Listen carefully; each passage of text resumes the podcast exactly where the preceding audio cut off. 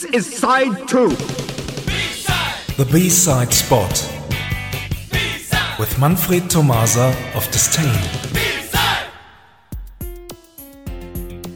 Good evening, everyone. Tonight we will talk about a band which Oren has played a lot over the years. The name is Logic and Olivia.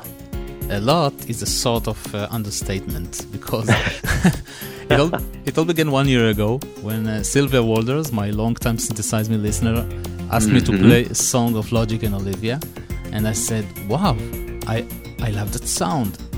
So since then, every week there was a different song of Logic and Olivia on Synthesize Me.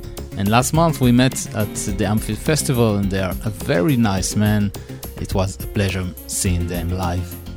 In July, the group released a brand new single called The Diamonds and the Slaves. We asked Logic and Olivia what the lyrics are about, and here is their answer. Well, The Diamonds and the Slaves is about selfish people, always overestimating themselves and turning their asses right. But in actual fact, there are nothing more than bounces to cover up their disabilities. But what they often don't know uh, is the fact that people who do the true work exactly realize this. They feel like slaves, but they are the diamonds. And here is the latest single, The Diamonds and the Slaves.